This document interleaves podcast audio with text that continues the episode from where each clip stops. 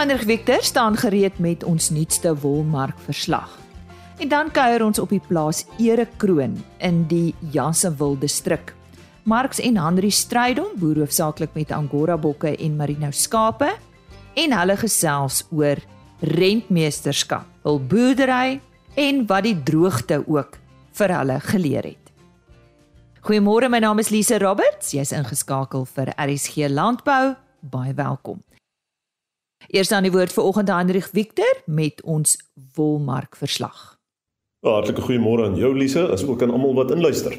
Nou op die 30ste wolveiling van die seisoen wat op 3 Mei plaasgevind het, het die Cape Wool Merino aanwyser met 1.3% vir nie gesertifiseerde wol as ook met 1.9% vir gesertifiseerde wol sterker verhandel teenoor die vorige veiling en teen 'n skoonprys van R174 en 47 sent per kilogram en R191.12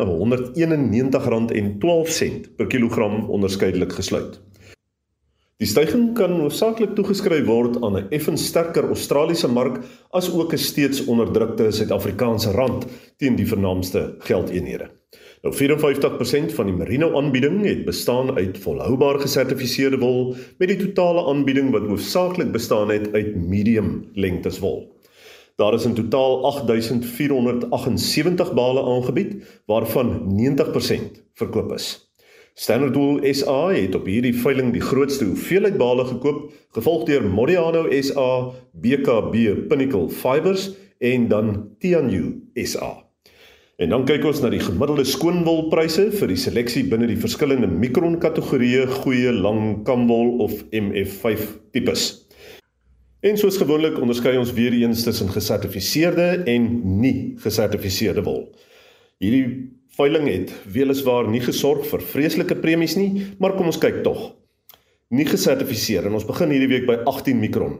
Verkoop vir R219.51 per kilogram. Gesertifiseer R232.23 per kilogram met 'n premie van 5.8%.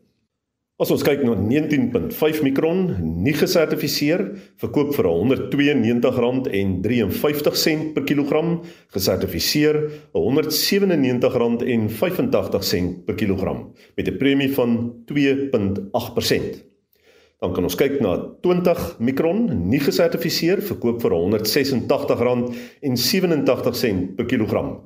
Gesertifiseer R191.67 per kilogram met 'n premie van 2.6%.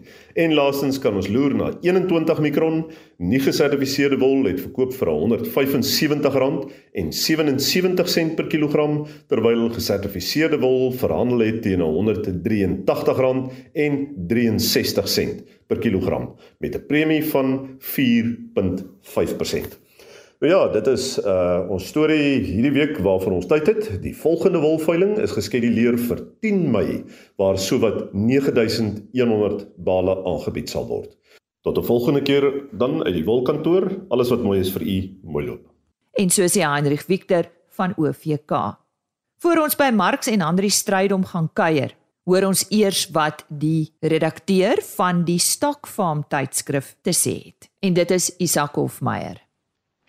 Dag sê hier uit die Stock Farm kantoor. Ja, so verander die seisoen en die winter lê voor. Hier op die oostelike hoofveld van die Vrystaat is die manne kliphard aan soja stroop en dit gaan maar dol.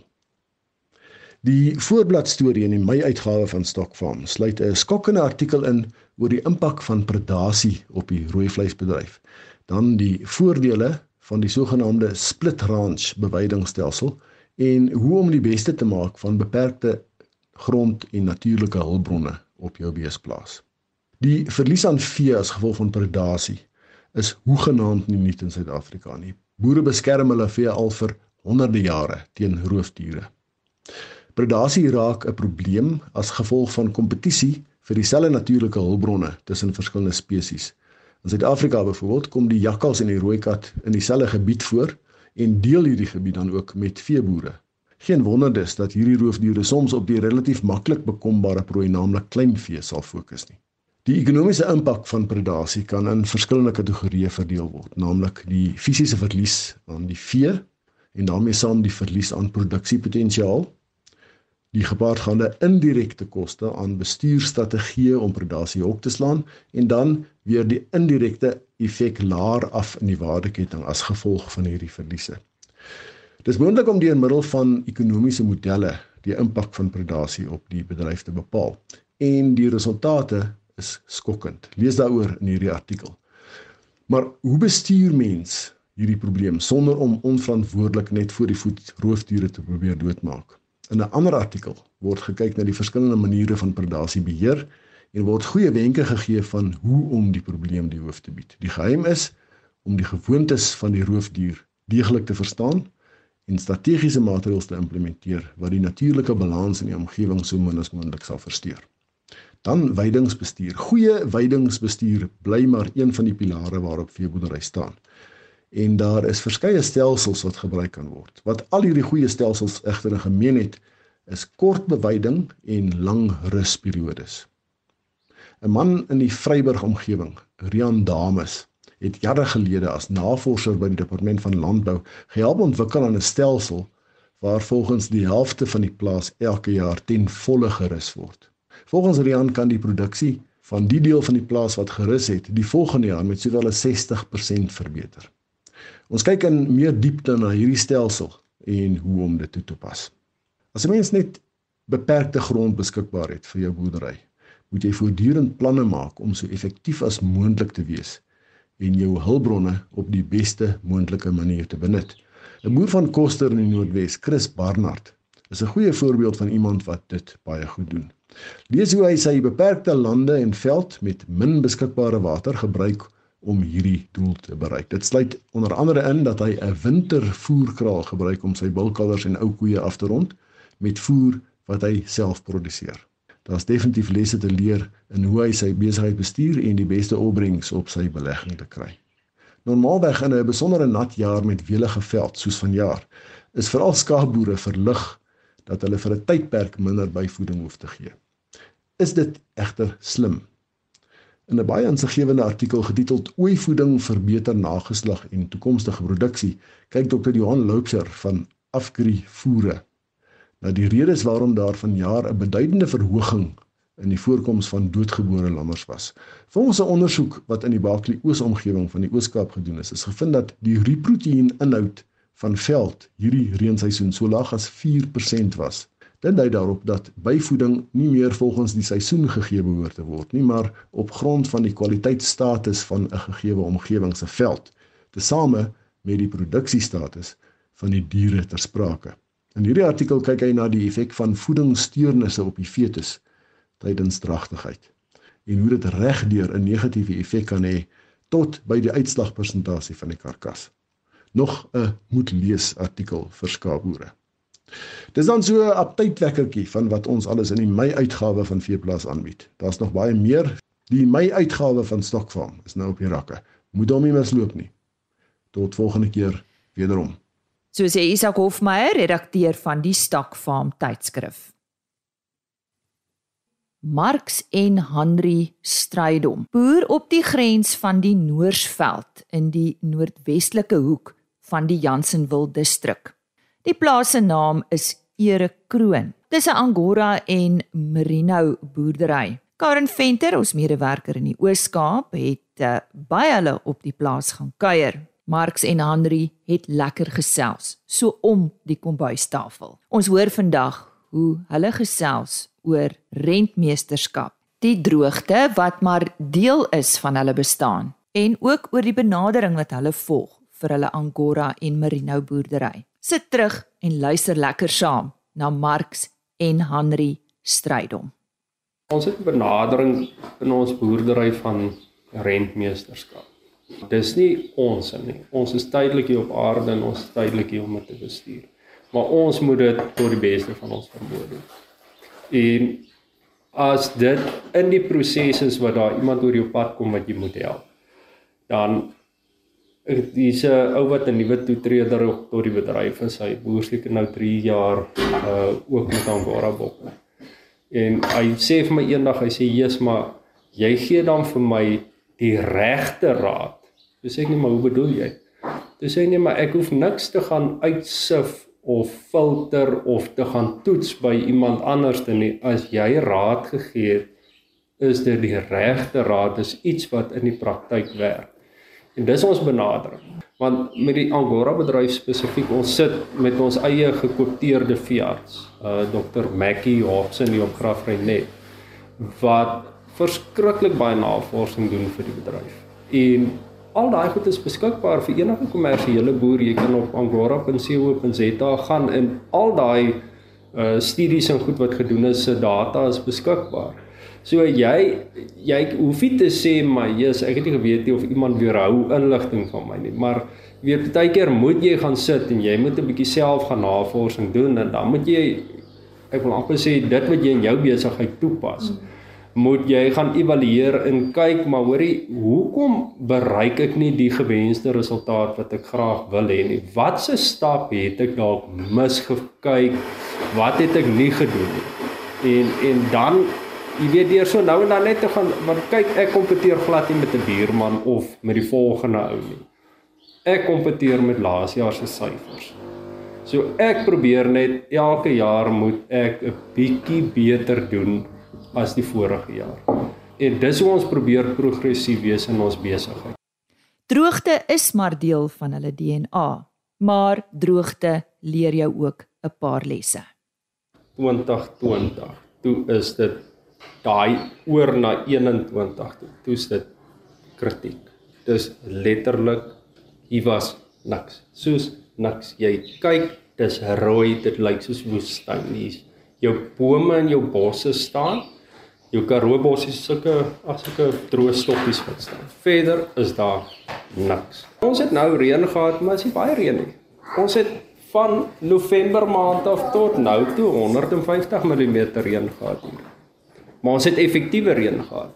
Dis reën wat op die regte tyd gekom het, jou nuwe veld het opgekom. Dit lyk asof ek 'n 400 mm seisoen buite gehad het, maar ek het letterlik 150 mm reën gehad. En net hier aan die ander kant het hulle 300 mm. 300. Die reën het daar afgetrek. Trek net daar. Ek het gelukkig in die Bosmanland groot geraak. So ek het 'n goeie verwysingsraamwerk. Sy ken droog. Ja. En ehm um, my pa het altyd daar's twee goed wat my pa vir ons geleer het en hy het vir jou geleer dat jy nie kan lewe asof jy elke dag botterblomveld het as jy nie elke dag botterblomveld het nie. En hy het ook vir ons geleer dat ehm um, droogte en hierdie epidemies, die feesiektes en goed, dis nie wat jou bankrot maak, dis leefstyl wat jou op die op die ou einde in die in die halfpad. Jy weet, ons het 'n 'n ingesteldheid van ons diere moet eers versorg wees. En dit wat oor is, kan ons aanwend vir wat ook al. So dit is nie dat ons leefstyl eerste prioriteit is en voorkeur kry. Dit is jy sorg dat jou besigheid buite kern gesond is en wat oor is kan jy na kyk of allokeer. Hoe het julle by hierdie ehm um, leefwyse uitgekom? Nee, ek dink ons is so gebore. Uh, ek kan regtig vir jou sê Ek dink as jy vir my en my man vra wat is ons eerste passie, gaan ek vir jou sê ons Kom ons gaan buite toe, kom ons ja. gaan kraal toe. En ehm um, ek het saam met my pa groot geraak. Eh, ek was ek was die skoot hondjie links voor. So ek eh, ek en Mark, ek dink dit is ons grootste uh, gemeenskaplike binder behalwe nou die kinders nou, maar daai tyd was omdat ons altyd baie lief is vir vir kleinvee. 'n Droogte leer jou ook ongelooflik baie waardevolle inligting. Um, om effektief te voer. Kyk, ons is soetveld area. Dit is 'n warm wêreld, jy weet 'n 'n warm nag in die Vrystaat is vir hulle 'n groot vragvoerwerk omdat die diere baie energie nodig het om warm te bly. Hier by ons raak dit nie so intens koud nie. So dit help ons baie, maar so ons is voer gee is vir ons 'n baie vreemde konsep gewees toe dit begin droog raak.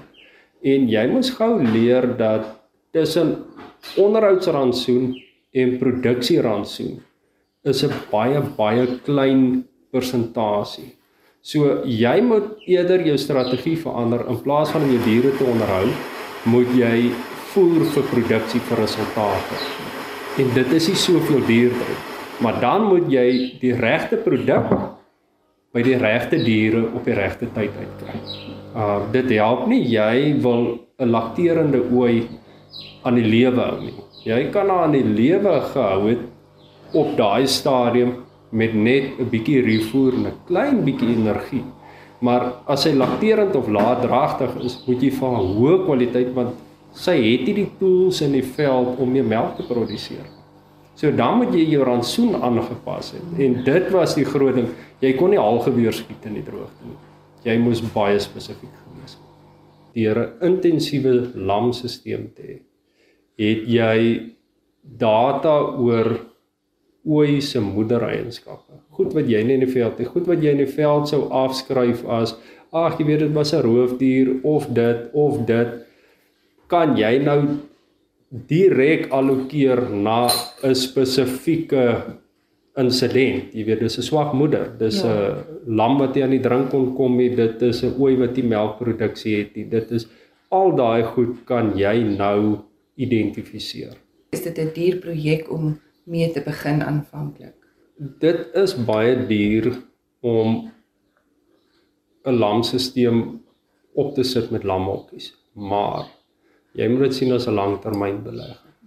So ons het begin met 'n baie eenvoudige stelsel wat ons sommer net uh, teen 'n bestaande draadlyn vir ons lamhokkies gemaak het wat ons water in bakke getap het en toe het ons gesien maar okay die die beginsel van die stelsel werk.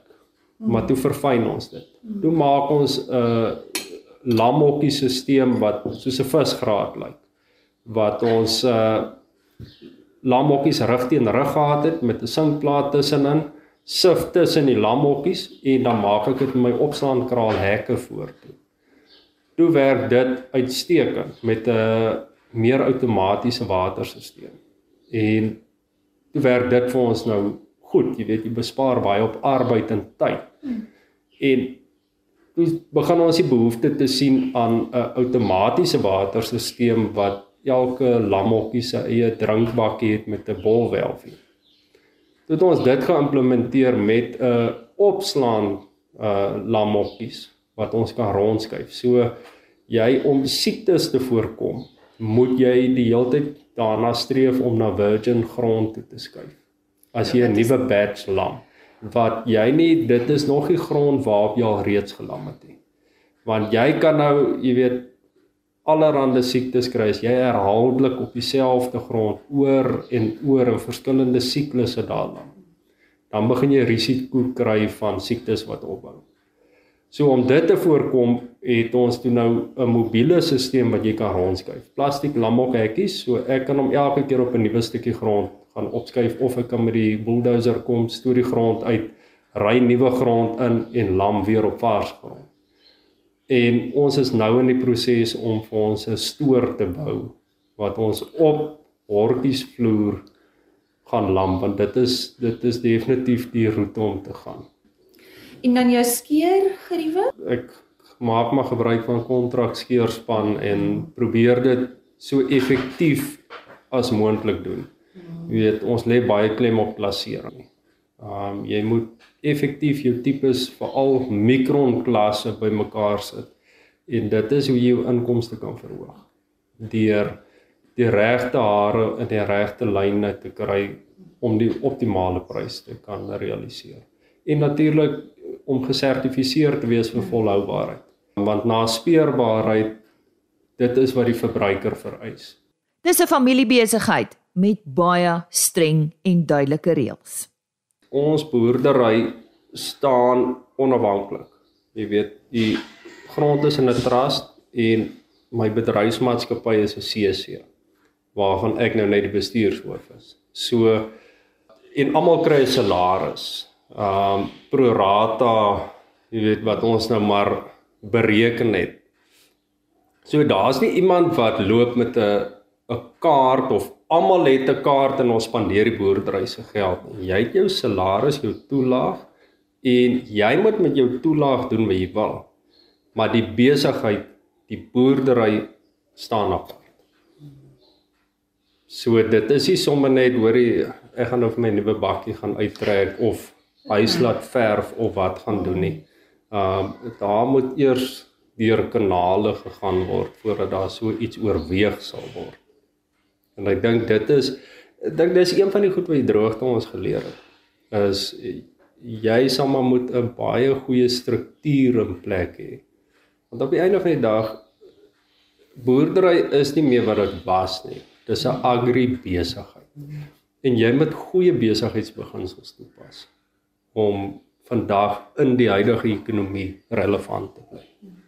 Marx gesels verder oor sy Angora bokke. En die probleem waarmee hy sit, is dat daar nie data in hierdie bedryf beskikbaar is nie.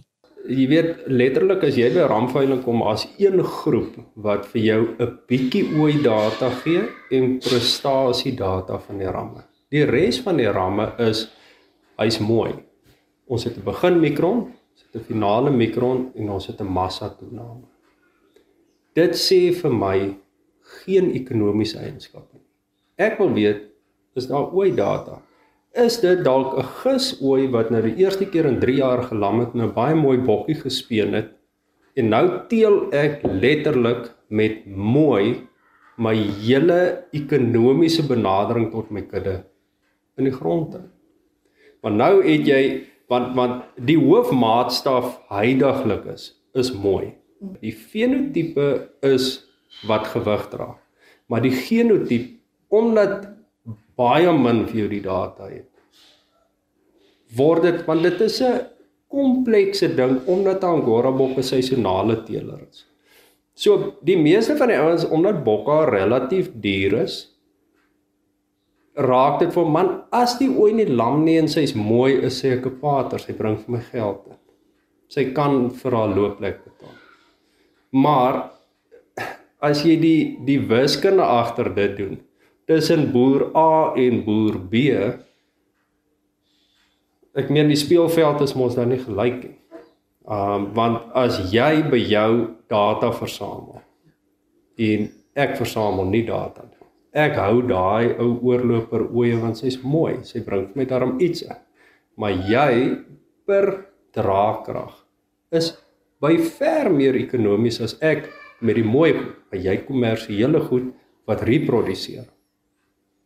En dis waar waar die waar in vandag se ekonomie kan jy nie meer net mooi as 'n maatstaf wat ek optel by bok, ek as ek kan selekteer vir iets, sal ek selekteer vir goeie moedereienskappe en mooi eiers, want ek voel dis waar ons baie lammetjies in die veld, um, ons lam nou nie lamhokke, maar ons het al die jare in die veld gelam. Ehm um, lammetjies wat nie aan die sit kom nie met daai kalbasbene en ons klas het elke jaar uit, maar sodra daai ooi se eier weer styf raak, het sy die potensiaal om 'n kalbas eier te ontwikkel.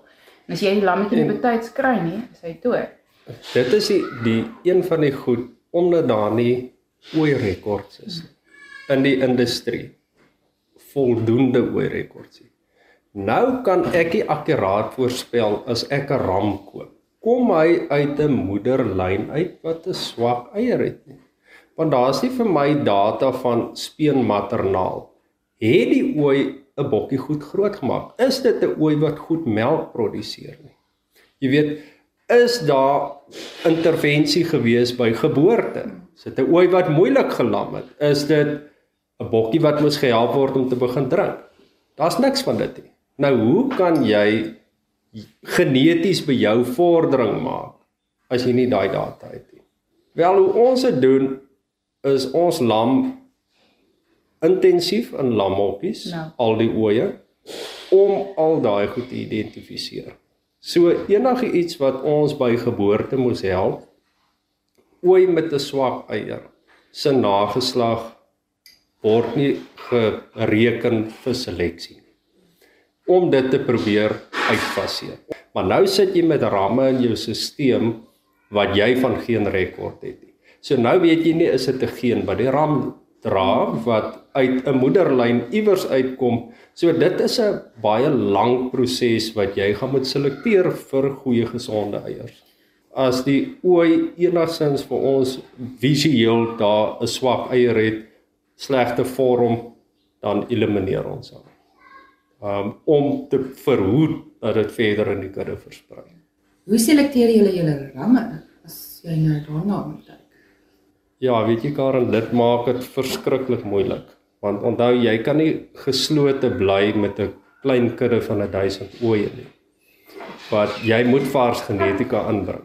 So wat ons doen is ons sal een ram gaan inkoop hoë kwaliteit gebruik op 'n groep ooe. Kyk na sy nageslag en verder produseer ons ons eie kommersiële ramme vir eie gebruik. En vandat ons dit doen, het ons 'n klomp goed aangespreek in die kudde. Ons skeersel massa, ek het gespot eendag met die beampte van OVK en gesê maar hoorie, ons moet ons inkomste verhoog.